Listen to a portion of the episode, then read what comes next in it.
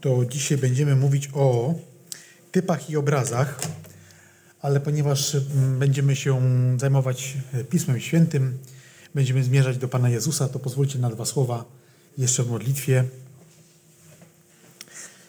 Dobry Boże, święty Ojcze, chcielibyśmy przez to krótkie zbadanie Starego Testamentu, w zasadzie Księgi Genezis, kilku postaci, zobaczyć w niej Pana Jezusa, aby On zajaśniał jasnym blaskiem w naszych sercach i jeszcze byśmy mogli jeszcze bliżej być naszego Zbawiciela. Ku Twojej chwale. Amen.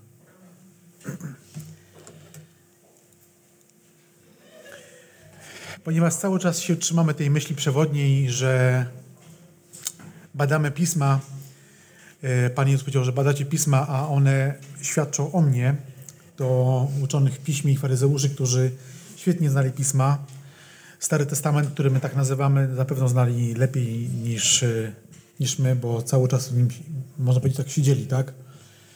E, przez kulturę, przez swoje wychowanie dobrze go znali, a jednak nie rozpoznali Chrystusa.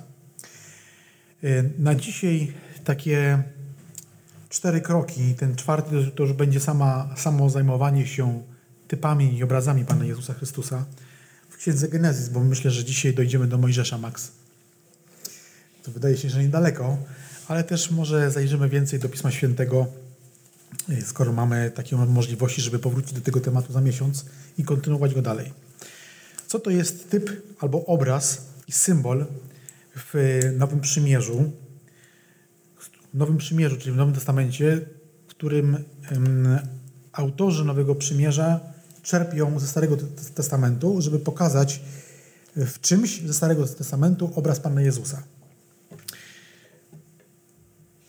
Otóż y, w Nowym Przymierzu, w Nowym Testamencie jest używane słowo typos, albo niektórzy je odczytują jako tupos, bo w języku greckim Y czyta się tak samo jak w rosyjskim jako U, tak?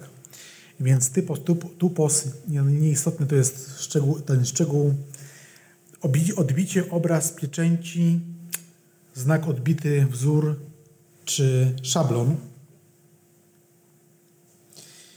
I jest bardzo dużo tego słowa użytego w Nowym Testamencie, który opisuje jakieś osoby albo dzieła, które są związane z Panem Jezusem.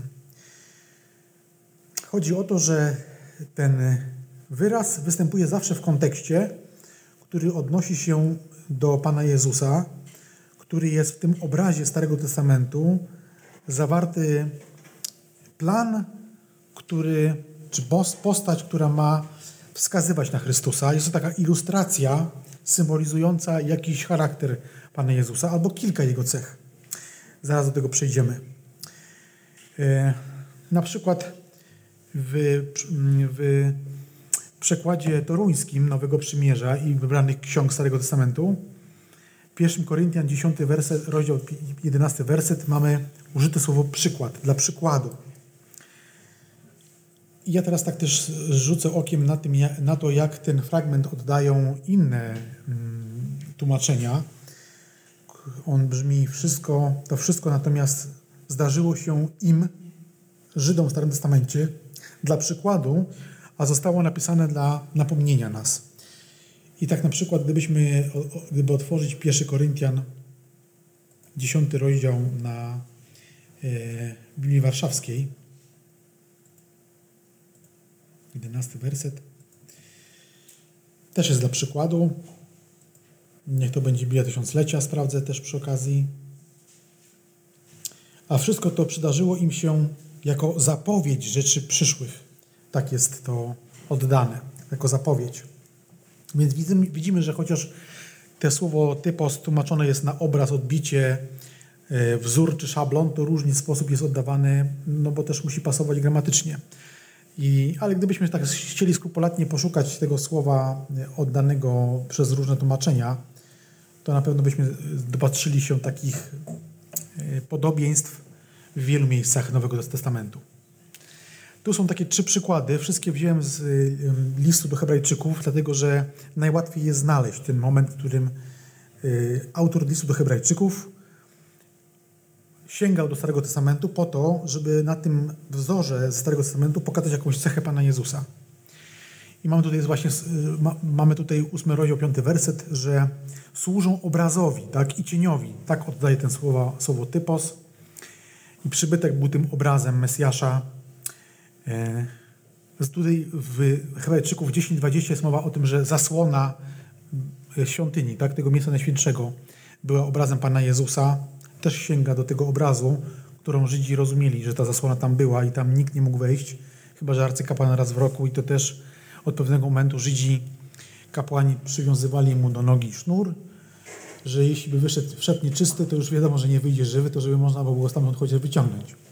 Chociaż tego nie ma nigdzie w prawie, to wymyślili sobie, że tak będzie dobrze i jakoś Bóg się temu nie przeciwstawił, ale ta zasłona była właśnie obrazem, była obrazem Pana Jezusa, który odsłonił zasłonę do miesiąca Najświętszego i teraz chrześcijanie, będąc w Chrystusie, mają bezpośredni dostęp do Boga.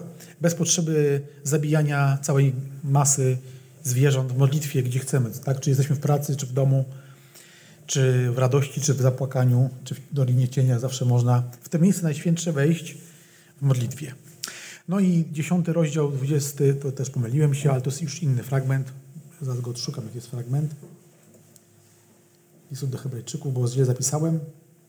Jedenasty rozdział, dziewiętnasty werset, e, że Bóg na podobieństwo, tam jest mowa o e, Izaaku, który miał być zabity przez Abrahama na ołtarzu, ale nie został, bo go powstrzymał anioł Pana, czyli tak naprawdę Pan Jezus. E, powstrzymał go, wskazał mu tego baranka zaplątanego rogami w krzaki i w tym w sensie, że Izaak miał być zabity, czyli Abraham był zdecydowany go zabić, ale Bóg go powstrzymał, tak? Jego rękę zatrzymał to właśnie ten anioł. Y, nie, nie rób krzywdy chłopcu. No i w tym sensie go zmartwychwstał, że nie został zabity. I tu obraz w Izaaku również Pana Jezusa. Wiemy o tym, że tak właśnie jest. To są takie tylko kilka przykładów tego, czego będziemy doszukiwać się w Starym Testamencie w skład typologii Starego Testamentu, czyli obrazów, które są w Starym Testamencie, czy symboli, bo będę używał tego słowa zamiennie, typ, obraz, symbol. Ono będzie zawsze odnosiło się do tego, tego samego. Mamy takie obrazy osób, przedmiotów i wydarzeń, które wskazują na Pana Jezusa. Wydaje się, że to dziwne, że przedmiot może na Niego wskazywać, ale wiemy, że tak jest, chociażby ta zasłona, tak? A wydarzenie to też. Abraham, Melchizedek, Adam, Chociaż może być to wzbudzać to nasze takie zdziwienie, dlaczego Adam, skoro on upadł w grzech, a Pan Jezus jest przeciwieństwem tego obrazu. Ale również Izaak czy Józef, syn Jakuba, Dawid, Salomon, będziemy więcej tych osób. Tutaj nie jest wymieniony Mojżesz, ale my do Mojżesza dojdziemy.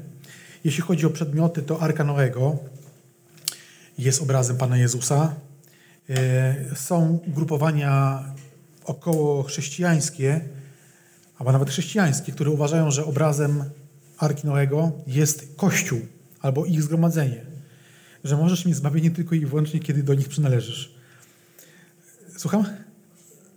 Na przykład, czy Świadkowie Jehowy, czy jakieś inne takie e, parachrześcijańskie e, ugrupowania jak Scientolodzy, chociaż nie wiem, co tam jest z chrześcijaństwa, ale, ale mają gdzieś tam w swoim logo również jakąś formę krzyża, więc gdzieś tam nawiązują jakąś swoją nauką do chrześcijaństwa. Nie ma nic bardziej mylnego jak to, żeby wiązać Arkę Noego z, z grupą ludzi, którzy się zorganizowali i wielbią Boga, jakiegoś Boga, tak? Nie ma w tym żadnego zbawienia. Zbawienie jest w Chrystusie. Też o tym wspomnę. No i mamy takie inne jeszcze elementy przedmiotów. Na przykład miedziany wąż, prawda? To już ewidentnie Pan Jezus nawet nawiązuje w swoim nauczaniu w Ewangelii Jana, mówiąc o miedzianym wężu, że E, tak jak na pustyni, wszyscy, którzy byli ukąszeni przez te węże, które były przekleństwem dla nich, tak? Symbolizują w jakimś sensie grzech. Ich odstępstwo też jest wyrazem grzechu. No i kto spojrzał na tego miedzianego węża, w zasadzie spojrzenie co im dawało?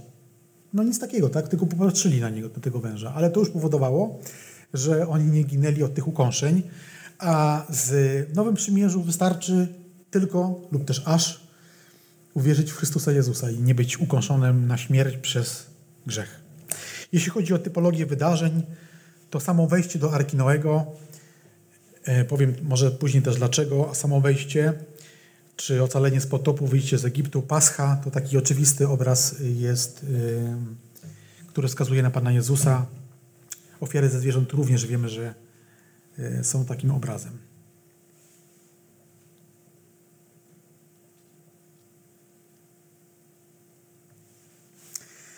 Dlaczego e, w ogóle potrzebne są nam typy Pana Jezusa w Starym Testamencie?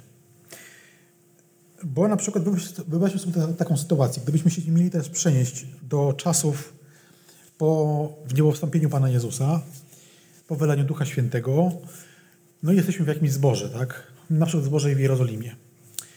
I chcielibyśmy innym mówić o Panu Jezusie jako Mesjaszu. No to nie otworzymy listu do Rzymian drogi rzymskiej, bo go jeszcze nie ma.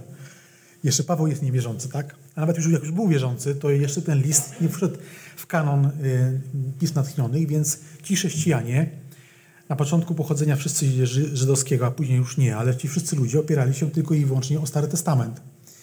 Więc w tym sensie można powiedzieć, że byli jakby lepiej wykształceni w sensie takim, że posługiwali się Starym Testamentem do tego, żeby opowiadać ludziom z narodów czy z Żydów o Mesjaszu tylko na podstawie Starego Testamentu. Gdyby tak sobie takie sobie pytają, zadałem pytanie, czy ja bym potrafił komuś udowodnić, że Jezus z Nazaretu y, jest Chrystusem, czyli Mesjaszem na podstawie Starego Testamentu. Może pewne fragmenty bym odszukał, tak? Tam Izajasza 53, czy jakieś inne fragmenty takie typowe, chociażby o proroctwach. Ale kiedy Pan Jezus spotyka dwóch uczniów, którzy idą do Emaus, no to tam czytamy, że zaczął im odsłaniać, że Chrystus musiał umrzeć i zmartwychwstać. I tam jest mowa o tym, że zaczął im odsłaniać w pismach, w prorokach, czyli w zasadzie w całej, w całym, testamencie, tak? w pięcioksięgu, w proroctwach, psalmach, wszędzie jest Pan Jezus. No Pan Jezus wiedział, gdzie jest, więc to mógł łatwo zrobić, ale e, jeśli chodzi o tych chrześcijan z pierwszego wieku, to oni posługiwali się tylko i wyłącznie Starym Testamentem, żeby głosić Chrystusa.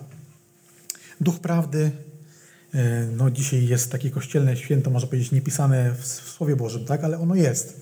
Zesłanie Ducha Świętego, ale Duch Święty świadczy o Chrystusie i uwielbia Chrystusa w sercach ludzi wierzących. Jaki jest cel, żeby odszukiwać i rozumieć typy Pana Jezusa zawarte w Starym Testamencie? E, takim celem z takiego studium to jest, aby podziwiać cudowny charakter Pana Jezusa, Jego boskie atrybuty, ukazane w typach, w obrazach, w symbolach, wskazujące na osobę Pana Jezusa, które zostały na przykład zawarte w pięcioksięgu. Dzisiaj będziemy się ograniczać tylko i wyłącznie do księgi Genezis.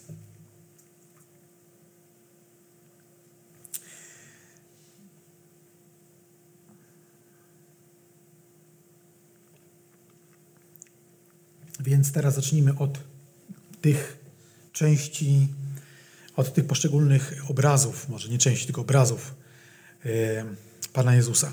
Napisałem tutaj, że Adam jest antytypem, czy antytyp, tak? czy przeciw, przeciwieństwo Pana Jezusa. Dlaczego tak? Dlaczego w ogóle można go związać z typem e, czy antytypem Jezusa? E, jak widzicie, zacytowany jest fragment z listu do Rzymian, 5 rozdział, 14 werset.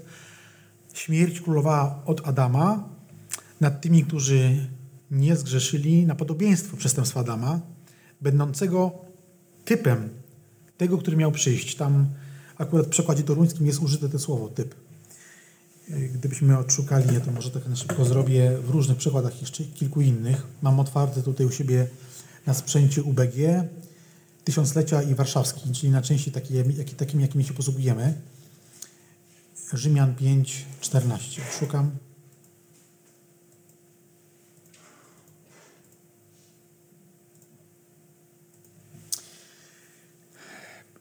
A przecież śmierć rozpanoszyła się od Adama nad tymi, ja tam środek wyjmuję tego wersetu, bo nie jest dłuższy. Chodzi tylko o sam ten sens, którego, który teraz zbadamy. E, rozpanoszyła się od Adama nad tymi, którzy nie zgrzeszyli przestępstwem na wzór Adama. On jest tym typem tego, który miał przyjść. To jest Biblia Tysiąclecia, a Biblii Warszawskiej jest słowo obraz. Jezusa Chrystusa, tak? Był obrazem Pana Jezusa. Pan Jezus był, obra był obrazowany w Adamie tym, że no, wziął jego grzechy na siebie. I Pismo Święte, zresztą w innych miejscach też, w listu do Rzymian, pokazuje Adama jako takie przeciwieństwo Pana Jezusa. I tutaj wypisałem tylko niektóre cechy tego typu, jakim jest, jaki, jakim jest, jakim jest Adam. Może zacznę od tego sam, od samego początku, w kilku zdaniach. Adam jest e, ukoronowaniem z dzieła stwórczego Boga. Zadaniem człowieka miało być opanowanie w Edenie nie tylko, ale również na całej ziemi. I to też jest takim przełożeniem na, na obraz Pana Jezusa, bo a Pan Jezus jest e, właścicielem całego stworzenia, bo je uczynił.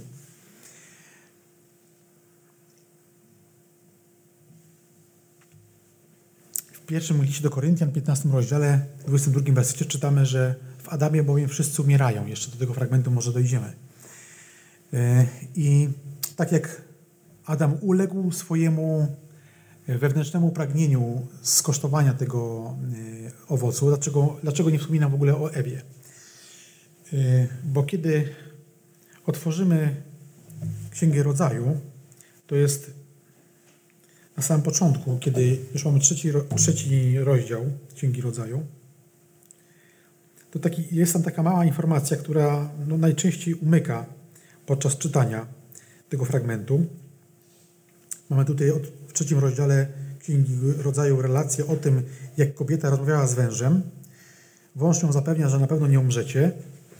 I dalej mamy w wersecie szóstym, a kobieta a gdy kobieta spostrzegła, że owoc drzewa był dobry do jedzenia i miły dla oka, a drzewo godne pożądania,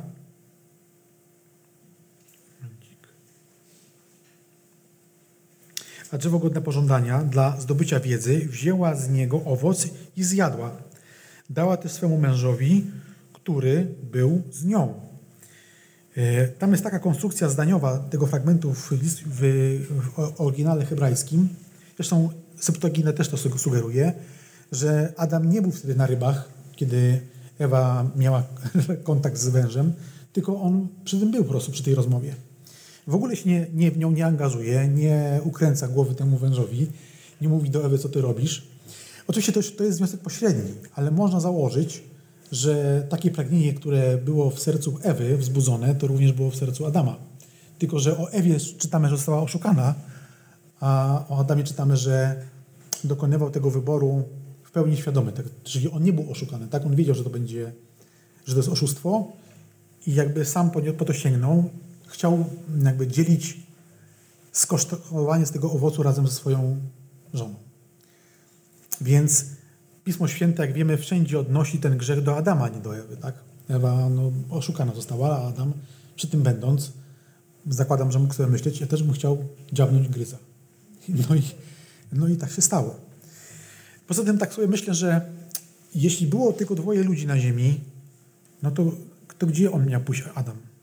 Miały dość Ewy? No nie, no to, to są takie wielkości, które dzisiaj ludzie czasami podnoszą, że yy, my możemy, nie wiem, w małżeństwie mieć taki jakiś tam, nie wiem, zgrzyt czy coś, ale to też nie wyjeżdżamy na dwa tygodnie gdzieś, tak? Czy nie zabieramy się, tylko chcemy tę, tą sprawę uregulować. A przecież takich sytuacji nie było między Adamem i Ewą, tak? jeśli był zachwycony stworzeniem Ewy i oni nawzajem się zachwycali sobą i swoją relacją, to jestem przekonany, że byli jak papuszki nierozłączki wszędzie razem. W tym momencie też.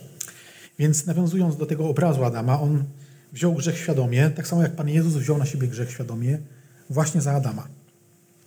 No i jak mamy tutaj w tych kilku punktach, Adam przynosi grzech, e, Pan Jezus przynosi sprawiedliwość, bo grzech to jest, można powiedzieć, takim rozwinięciem synonimu niegodziwości. Pan Jezus jest synonimem sprawiedliwości. Adam przynosi śmierć.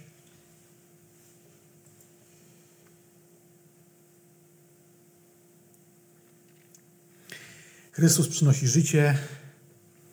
Pierwszy człowiek stał się duszą czy istotą żywą, a ostatni Adam, czyli Chrystus, stał się duchem ożywiającym. I w liście do Koryntian, odszukam go teraz, to będzie ten fragment, który będzie mówił o Adamie, do Koryntian 15:45. Ja go nie umieszczałem, nie umieszczałem go w slajdach. 15:45.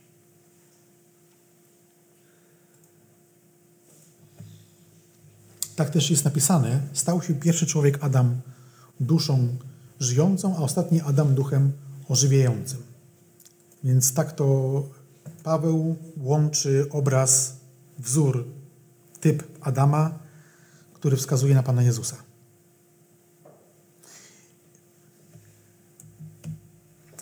Pierwszy człowiek powstał z prochu ziemi, ziemski. Jak już dzisiaj wspominałem, e, tam jest w oryginale użyte nawet słowo, że został uczyniony albo nawet ulepił z gliny, tak? Drugi człowiek, Pan Jezus Chrystus z nieba. Taki jest typ pierwszego do drugiego.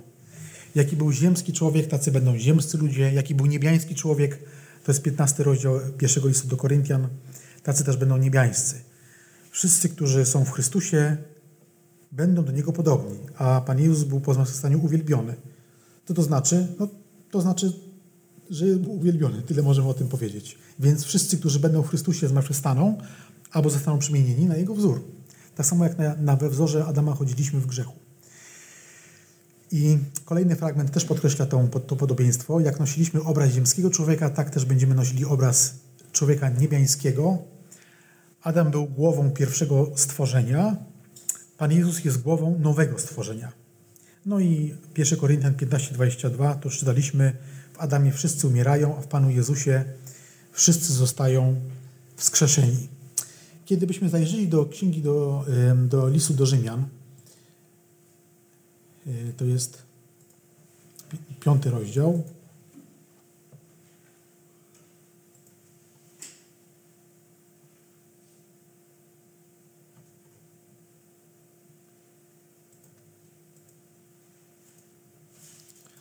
werset od 12.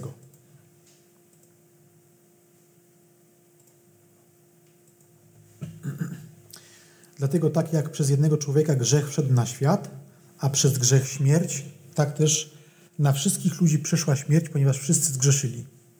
Grzech bowiem był na świecie aż do nadania prawa, ale grzechu nie poczytuje się, gdy nie ma prawa. Śmierć jednak królowała od Adama aż do Mojżesza, nawet nad tymi, którzy nie popełnili grzechu podobnego do przestępstwa Adama, który jest obrazem tego, który miał przyjść. Lecz z przestępstwem nie jest tak, jak z darem łaski.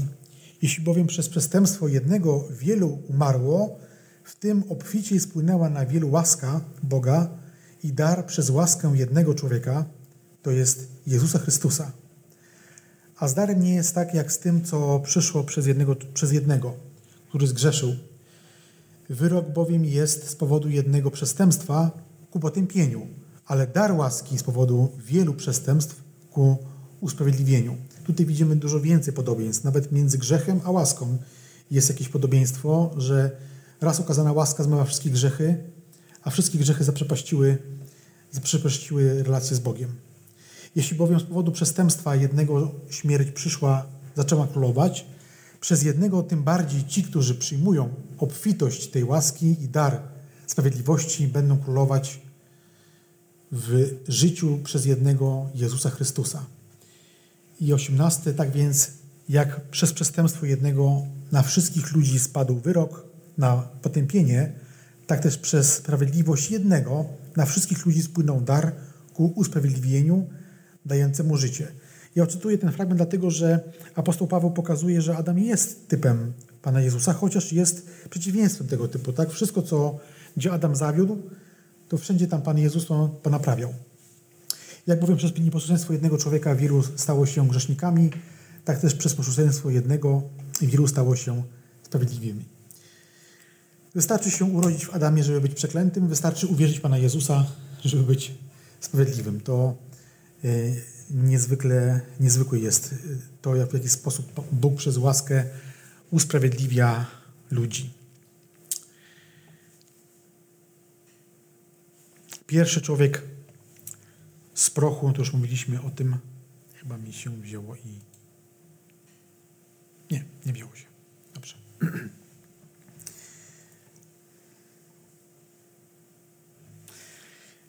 Taki podsumowując już y, Adama i Jezusa, to Adam grzeszy y, rodzaju 3.17 będąc, no, tak, jest, jest tam drzewo, jest jako symbol e, tej Bożej, Bożego prawa. No i Pan Jezus jest przeklęty, bo zawisł też na drzewie, więc wiemy, że tutaj też to podobieństwo takie bardzo pośrednie, ale jest jak najbardziej.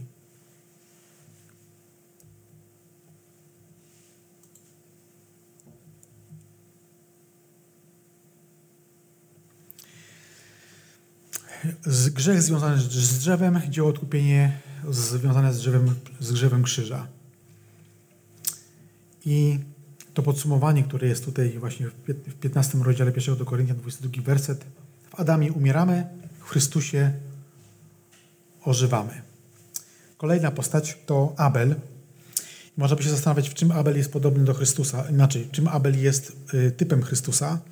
I tutaj umieściłem jego, znaczenie jego imienia, bo po narodzinach Abla takie dostał dziwne imię. Można by się zastanawiać, dlaczego akurat rodzice dali mu takie imię, czy Ewa tchnienie, nicość, marność. I kiedy czytamy w Księdze Rodzaju, jak e, rodzą się pierwsze dzieci e, Adamowi i Ewie, w zasadzie syn pierwszy, to wiele e, tłumaczeń oddaje to w taki sposób. Potem Adam obcował ze swoją żoną, a ta poczęła i urodziła Kaina i powiedziała: Otrzymałem z mężczyznę, otrzymałam mężczyznę od Jahwe Pana. Konstrukcja słowna, słów w hebrajskim jest taka, i też niektóre, tłumacze, niektóre komentarze do Septuaginty żydowskie to pokazują, że Ewa mogła również powiedzieć: Otrzymałam Jachwę Pana.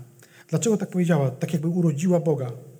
Dlatego, że ona wiązała wtedy już też e, z Kainem tą obietnicę Bożą, którą wcześniej słyszała, że z Twojego potomstwa będzie potomek, który e, no, odkupi ludzkość, tak? Y, dobrze rozumiała tą zapowiedź Bożą, natomiast wyprzedziła ją trochę y, jakby czasowo, tak? Do, do Pana Jezusa jeszcze minęło parę tysięcy lat. Ale myślała, że to właśnie będzie z jej potomstwa, bo tam jest potomstwa kobiety. No ona była kobietą, tak? A, nie, a że była jedyną kobietą na ziemi, więc myślała, że to właśnie będzie ona. Więc to nie było y, do końca błędne jej myślenie, że z potomstwa kobiety, ale nie tej kobiety po prostu. Natomiast Kain właśnie miał taki, jego imię znaczy otrzymane, czyli jakby darowane od Boga albo otrzymane w zastępstwo, y, który ma to przekleństwo grzechu z, zmyć z ludzi.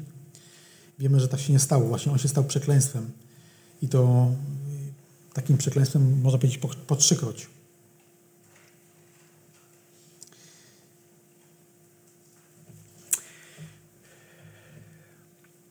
Tu są dwa fragmenty. Jeden jest wypowiedź Pana Jezusa, który kieruje ją do Izraelitów, którzy go w zasadzie nie przyjęli, że na nich spoczywa odpowiedzialność aż za krew sprawiedliwego Abla. Też można by się zastanowić dlaczego. No dlatego, że postępują zgodnie z tym, jak postępował Kain. Kain zabił brata, a oni chcieli zabić swojego brata z rodu, tak? No bo my mówiąc o Izraelu, czasami jest tak, że zapomina się o tym, że Izrael nie tylko był jakimś narodem, takim, no, takim narodem jak Polacy, tak?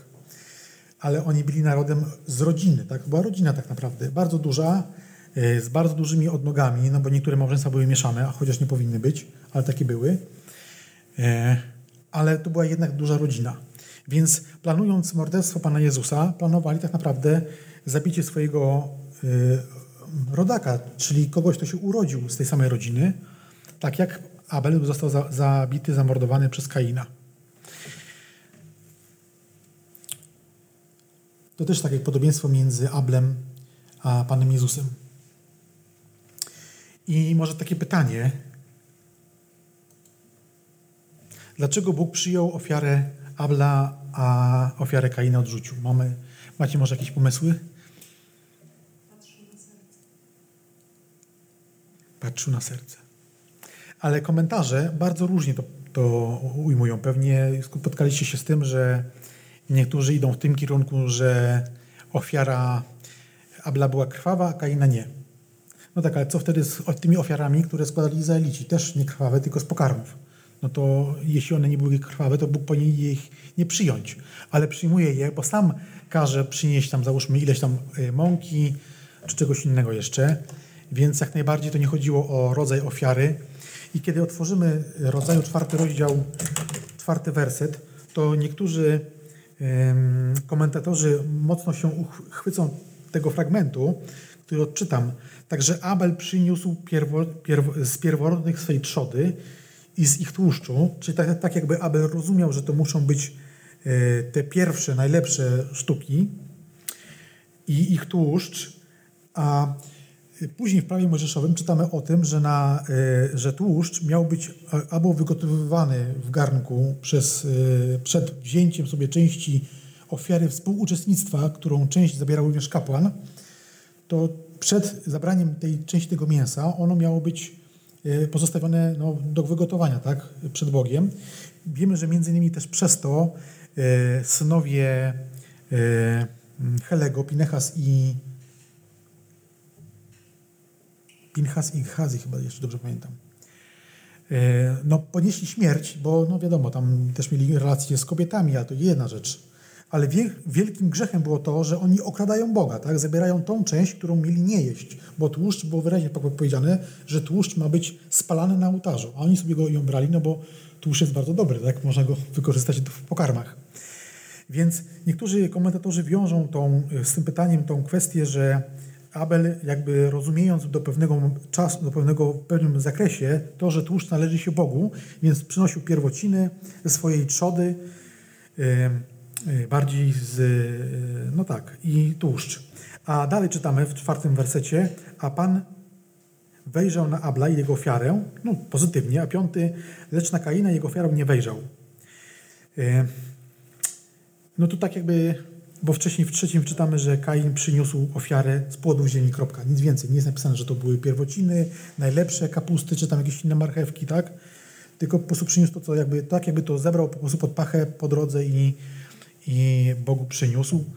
Myślę, że ten tłuszcz miał, mógł mieć jakieś znaczenie, w tym sensie, że Bóg mógł widzieć, że ten tłuszcz był pewnym wyrazem tego, co działo się w sercu Abla, tak? Abel chciał Bogu dać to, co miał najlepszego i to, co, to jak to rozumiał.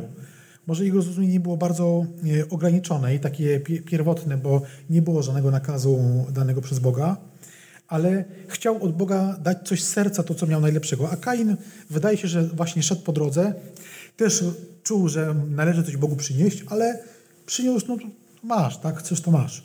I jakbyśmy dalej śledzili tą, tą relację, którą tam jest y, y, zapisana w Księdze Rodzaju, to y, jeśli serce Kaina byłoby, byłoby szczere wobec Boga i swojego brata, to pytanie jest, dlaczego, bo czytamy o tym chyba mm, w piątym wersecie czwartego rozdziału, Kain rozgniewał się bardzo i spochmurniała mu twarz.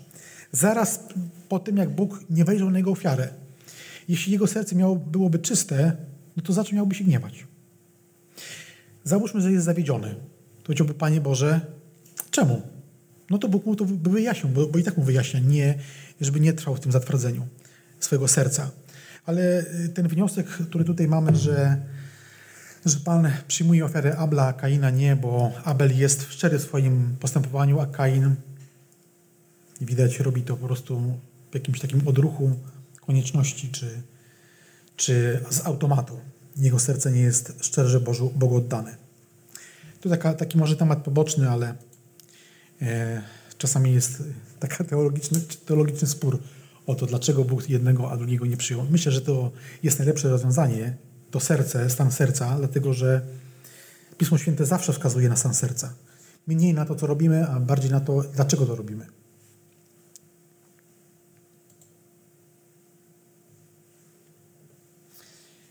jeszcze kilka takich podobieństw, które możemy odszukać w osobie Abla jako typ Pana Jezusa. Jeden i drugi był pasterzem. E, Abel pasterzem owieczek, a Pan Jezus pasterzem, dobrym pasterzem, tak byśmy mogli powiedzieć. Bo tak Pan Jezus o sobie powiedział, jestem dobrym pasterzem. Abel z, pierwor, z pierworodnych zwierząt, Pan Jezus był pierworodnym, jedynym synem Boga Ojca. I Bóg przyjął ofiarę Abla, tak samo jak przyjął ofiarę swojego syna, chociaż wiemy, że syn stał się przekleństwem za nas.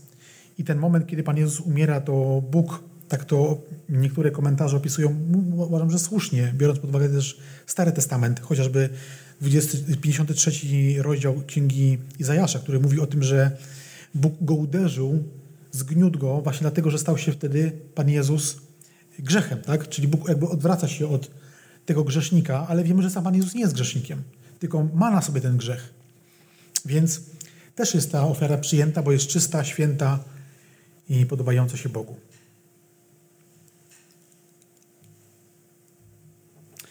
Abel niewinnie zabity, Pan Jezus niewinnie zabity. Czytamy w, w, w liście do Hebrajczyków, że głos Abla woła z ziemi. Nawet wołał cały czas, za czasów nawet Pana Jezusa, bo się Pan Jezus odwołuje do Abla. Głos Pana Jezusa cały czas przemawia za ludźmi niezbawionymi. No i głos Pana Jezusa jest większy, jest wspanialszy, bo Jego głos wzywa do pokuty i zbawia ludzi. W liście do Hebrajczyków 12 do 24 czytamy, to jest tylko fragment tego, tego, e, tego, tego miejsca, 12 rozdział 22-24. Ale wy przystąpiliście do góry Syjon, do miasta Boga Żywego, do niebieskiego Jeruzalem, do pośrednika nowego przymierza Jezusa i do krwi pokropienia, która przemawia potężniej od krwi Abla. Chociaż my, dzisiaj żyjący, żyjący, no i współcześni też nie byli pokropieni dosłownie krwią Chrystusa, to jest to też obraz, tak? Jeśli ktoś wierzy w Pana Jezusa, to jest jakby pokropiony tą krwią, tak jak krew ofiarę, krwią ofiary y, Mojżesz skropił, skropił cały naród przy górze Synaj. To też taki obraz, który y, mamy z Abla, który wskazuje na Pana Jezusa. Teraz kilka słów właśnie o Arce Noego. Niepohamowany rozwój niepohanerowany rozwój grzechu, e, Bóg spowodował, że, e, że musiała być ta wielka niegodziwość człowieka przerwana. Noe został uznany człowiekiem sprawiedliwym, no i trzeba było go jakoś uratować. Więc jak Bóg przypowiada, że położy krew wszelkiemu, wszelkiemu stworzeniu, to również daje wcześniej y, informacje, czy w tej samej informacji jest zawarte to, że żeby Noe zbudował arkę. I jak wspomniałem wcześniej, arka nie może być obrazem żadnej organizacji albo kościoła czy wspólnoty, dlatego że nie jest możliwe, żeby jakaś organizacja, czy wspólnota, czy kościół dotarł ze swoją informacją, że istnieje, chociażby z tego powodu, takiego typu ziemskiego do każdego człowieka. Nie każdy wie, że istnieje nie wiem, załóżmy Kościół Mormonów, tak? Byśmy jeszcze odszukali takich ludzi, którzy, którzy tego nie wiedzą. Ale o Chrystusie już byłoby trudniej takich ludzi poszukać. Poza tym łatwiej jest głosić Chrystusa. Ja tu podaję, podaję takie bardzo przyziemne argumenty, ale argumenty biblijne są takie, że e, no tutaj takie, jakie jest zacytowane, zacytowałem w tym slajdzie – nie ma żadnego potępienia dla tych, którzy są w Chrystusie. Nie ma, znajdziemy takiego fragmentu w Nowym Testamencie, żeby którykolwiek apostoł, który, działał, który pisał tą treść pod wpływem Ducha Świętego i z natchnienia, wiązał e, zbawienie tylko i wyłącznie z, z, jakimś, z, jakimś, z, jakąś, e, z jakimś kościołem, tak? Jeśli wszyscy będziemy należeć do kościoła w Jerozolimie, to będziemy zbawieni. No nie, nie jest to możliwe, tak? Więc y, apostołowie wiążą zbawienie tylko i wyłącznie z Chrystusem, a wejście do Niego jest uwierzeniem. Poza tym taki inny obraz Arki Pana Jezusa to chociażby to, że Pan Jezus mówił o sobie, że jest y, prawdą, drogą i życiem. Jedynym prawdą, drogą i życiem. Arka była tylko jedna. Jest, mamy też tylko jedno wejście do Arki, to Arkia i wejście do tej Arki zamyka Bóg. E, podobieństwo w obrazie do Pana Jezusa, to Bóg powołuje ludzi do pojednania się z Panem, przez Pana Jezusa. Tak? Wiemy, że Pan Jezus mówi, że, że to Bóg pociąga ludzi do, do Niego. No to też jest taki jest obraz. Mamy te jedne drzwi. Pan Jezus mówił o tym, że jest drzwiami, drzwiami do owczarni. To są takie obrazy już pomniejsze, ale one też pokazują, że Arką Noego, Arka Noego jest obrazem Pana Jezusa. Ich jest znacznie więcej.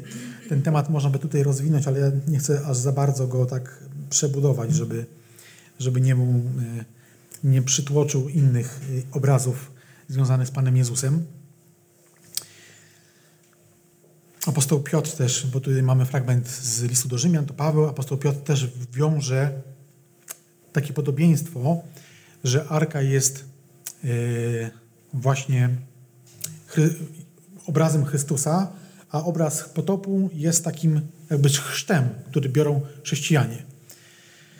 Tak jak Noe z rodziną wchodzili do arki, będąc jeszcze w starym świecie, tak wyszli w pewnym sensie w nowym świecie, w którym nie było grzechu. Oni byli tym grzechem, tak? Ale to jeszcze nie był ten czas, żeby ten grzech był całkowicie zdjęty. Stąd też takie zdanie zamieściłem tutaj, że Arka Noego jest obrazem zbawienia w Jezusie. Może ten temat wydawać się dla nas bardzo oczywisty, ale jeśli spotkamy świadków Jehowy, to już nie będzie oczywisty. Dlatego, że tam jest takie nauczanie, y, też oparte o Pismo, Pismo Święte.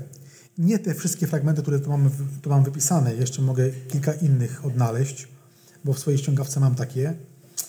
E, no, chodzi o to, żeby ludzie byli związani z, z organizacją, bo to bardziej wiąże emocjonalnie, takie jest moje zdanie, niż, niż y, Pan Jezus, tylko gdzie On jest, tak?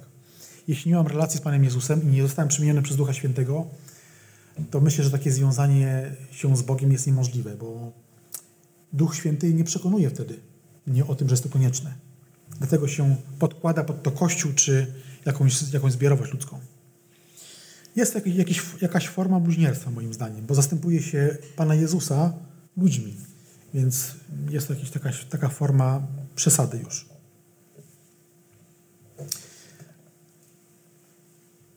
Arka Noego zbudowana przez Noego zgodnie z Bożym planem. Chrystus umiera zgodnie z Bożym planem.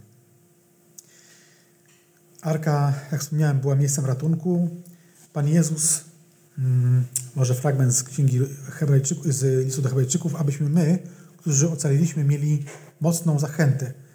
W Chrystusie tą zachętę do przetrwania.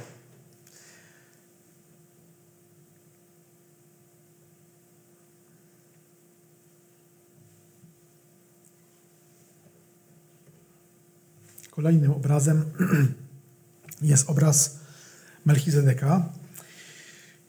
I też może pytanie, zanim przejdę do Melchizedeka, to mm, w liście do Hebrajczyków w siódmym rozdziale, w trzecim wersecie czytamy, że bez ojca, bez matki, bez rodowodu, mający, nie mający ani początku, ani końca, ale upodobniony do Syna Bożego, zostaje kapłanem na zawsze.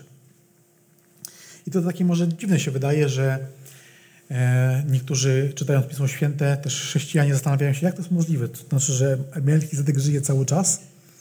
No wiemy, że Pismo Święte w innym miejscu mówi, że każdy zrodzony z kobiety i mężczyzny musi umrzeć, bo jest w grzechu, więc może będzie jeden wyżył dłużej, drugi dłużej krócej, ale nawet Mojżesz i e, Ezechiel, jeśli dobrze pamiętam, nie, Elize, nie Elizeusz, tylko Eliasz, zostali porwani z ziemi, bo tak i tak czy inaczej ich życie by się zakończyło czy Bóg pochwyca też y, Henocha, tak?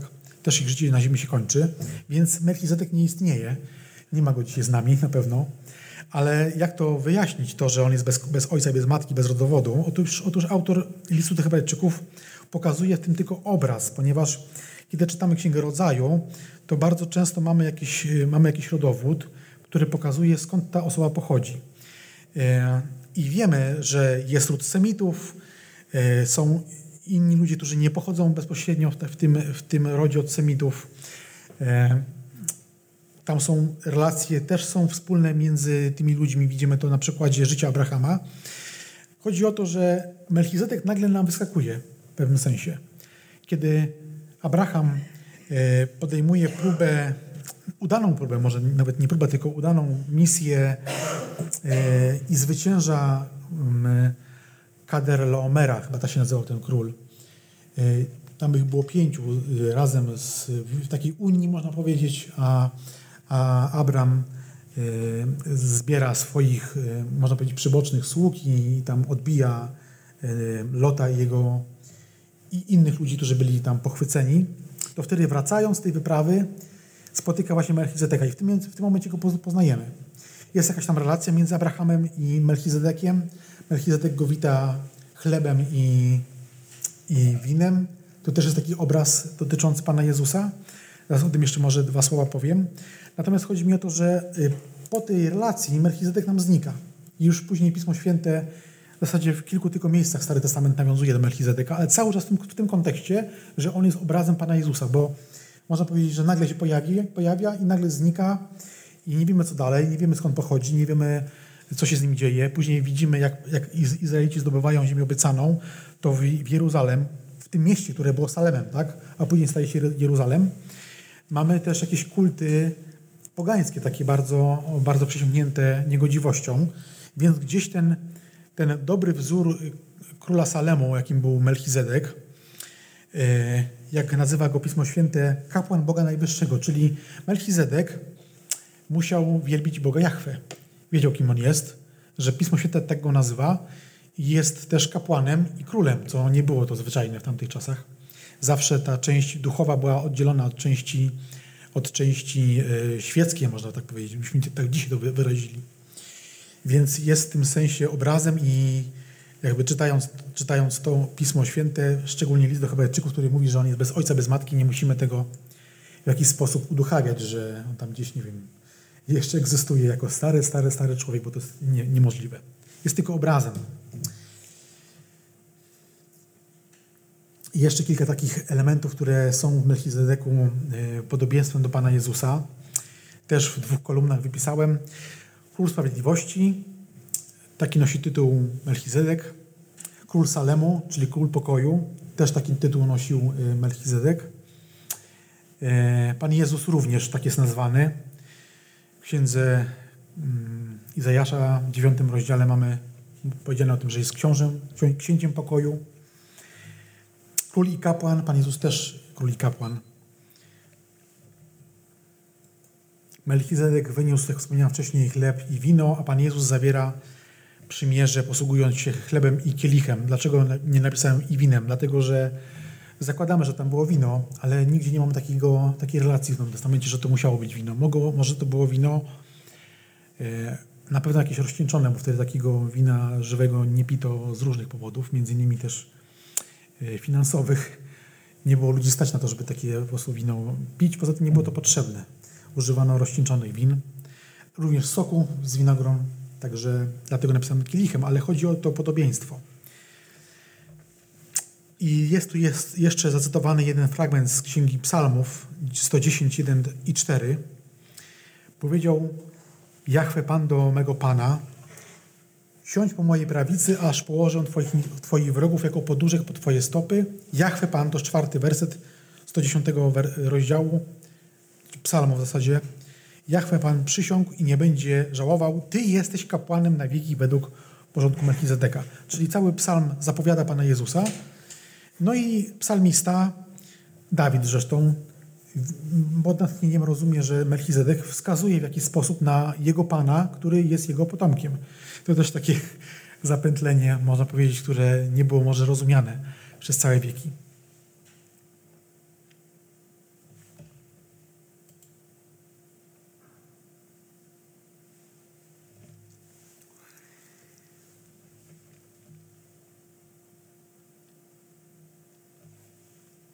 Taki jest fragment w księdze Michała, mówiący o Panu Jezusie, Jezusie, Jego początki od prawieku do dni zamierzchłych. A o Melchizedeku czytaliśmy, że nie ma początku ani końca, jako obrazie. Kapłanem na zawsze. To jest też o Melchizedeku, a o Panu Jezusie jest powiedziane, że trwa aż na wieki, więc też kolejne podobieństwo.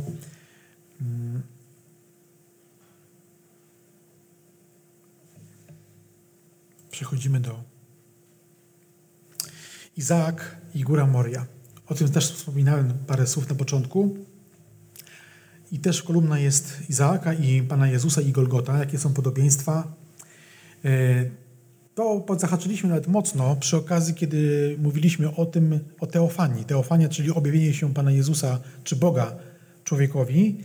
I wtedy mówiliśmy, że kilka takich teofanii dotyka, e, czy spotyka takimi kilkoma objawieniami się Boga moi, y, Abraham, między innymi również na górze Moria, kiedy, kiedy jest tam obraz śmierci ofiarnej Pana Jezusa i Ewangelie nawiązują do tego fragmentu, właśnie mówiąc o tym, że tam też był obecny Chrystus. Jedyny syn obietnicy. Wiemy, że Abraham miał więcej synów, chociażby z drugiej swojej żony prawowitej, czyli nie konkubiny, tak byśmy to dzisiaj nazwali, jakim była Hagar, tylko żona po y, Sarze. Ketura, jeśli dobrze sobie jeśli dobrze przypominam, było jej na imię. I tam miał też synów, więc większą ilość. Od nich też wzięły swoje rodowody różne narody, które później były nieprzyjemne dla, dla Izraela, ale to jest pierworodny syn obietnicy. Pan Jezus jest jednorodzonym synem, umiłowanym. E, Pismo Święte mówi, że Izaak też był umiłowany jako ten właśnie pierworodny syn obietnicy. E, udaje się Abraham z Izaakiem, żeby go tam złożyć na ofiarę Bogu Jahwe do ziemi Moria i jest na górze Moria.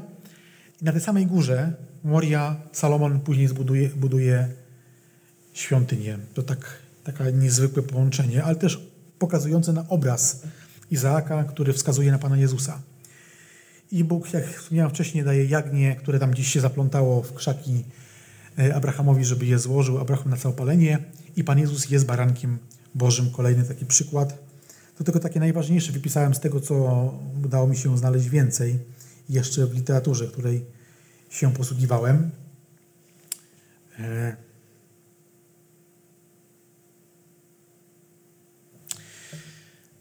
Przez wiarę Abraham przyniósł na ofiarę Izaaka i ofiarował jednorodzonego. Sądził, że Bóg ma moc wskrzesić nawet z umarłych. To też jakby z umarłych, mówiąc obrazowo, otrzymał go z powrotem.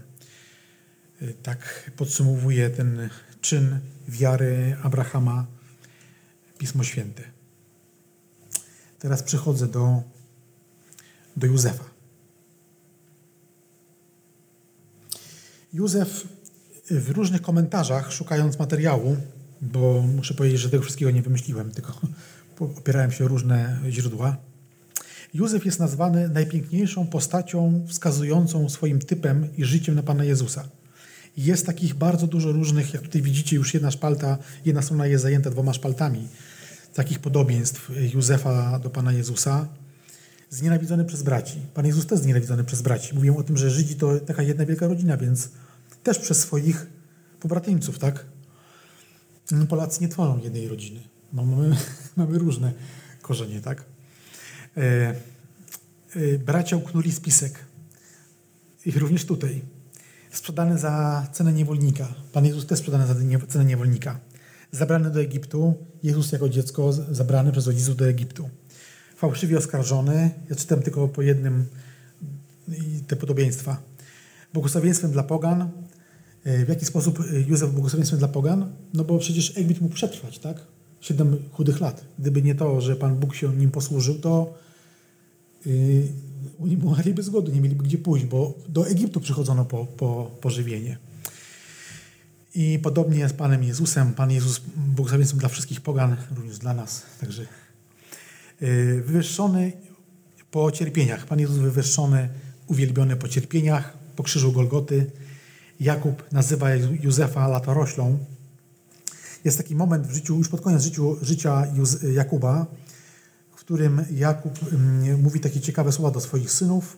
To są słowa błogosławieństwa, chociaż nie dla wszystkich tam było takie dobre błogosławieństwo, bo pierworodnego trochę tam potraktował trochę inaczej e, za jego, można powiedzieć, e, przestępstwa związane z relacjami seksualnymi, e, więc on tam jakby traci trochę może nawet nie trochę, ale traci to swoje pierworództwo. Ale jeśli chodzi o Józefa, to tam właśnie nazywa go, dokładnie jeśli odnajdę to w swojej notatce, tu mam tylko latoroś, lator, latoroślą,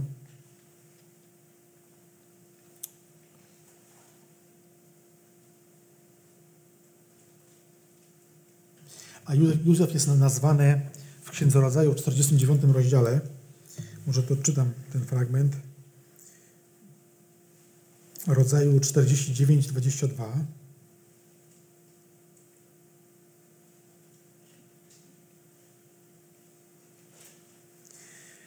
Józef, latorośl płodna, latorośl płodna przy źródle, a szczepy rozrosną się po murze.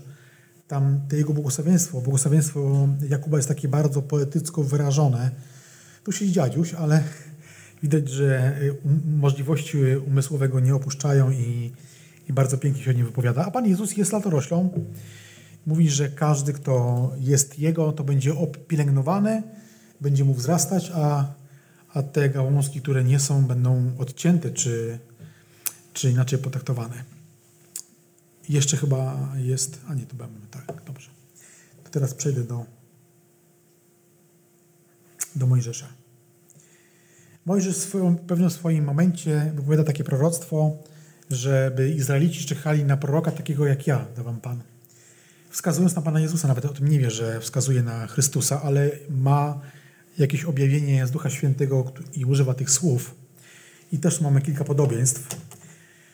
Mojżesz y, wyprowadził Izraela z niewoli Egiptu. Jezus wyprowadził, y, y, wyprowadził Izraela i całą, całą populację, można powiedzieć, ludzi z niewoli Egiptu, w cudzysłowie. Wiemy, że Egipt jest obrazem grzechu. E, za pierwszym razem Izrael odrzucił e, Mojżesza, za pierwszym razem Chrystus został odrzucony przez e, Izraela. Ta garstka, która w niego uwierzyła, to nie było to, o co chodziło Bogu, tak?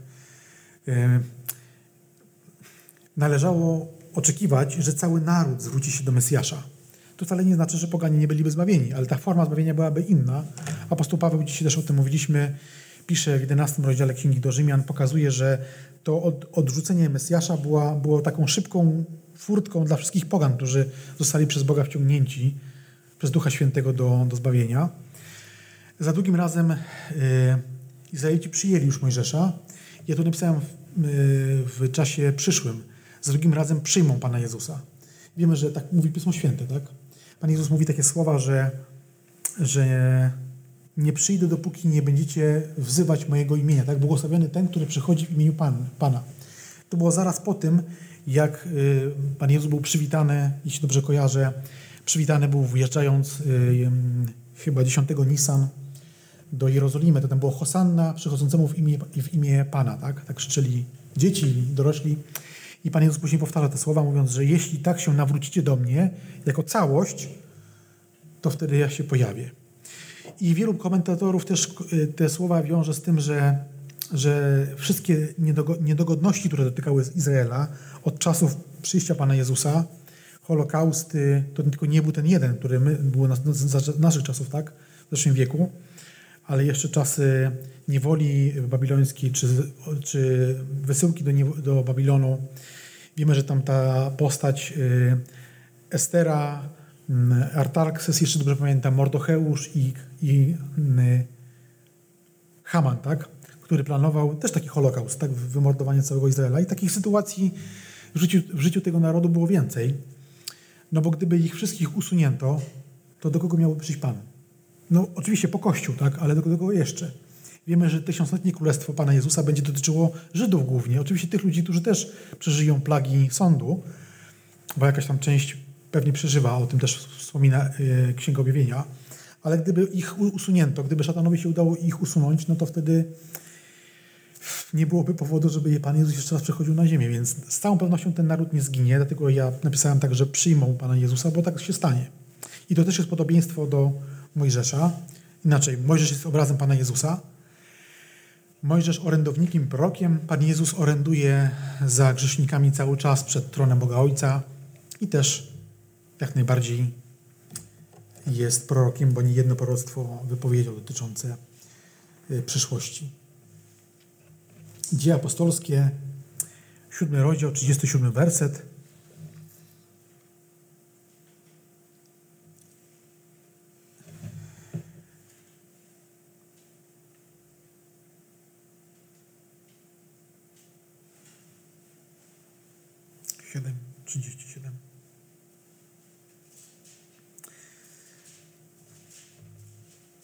To jest ten Mojżesz, który powiedział synom Izraela, proroka jak ja wzbudzi wam Jahwe Pan pośród waszych braci. To są te słowa, które, do którego odnosi się, jeśli dobrze kojarzę, są to słowa, które powtarza, czy wypowiada, czy cytuje, o tak, cytuje Szczepan, kiedy y, mówi swoim pobratymcom, że zawsze byli przeciwni woli Bożej.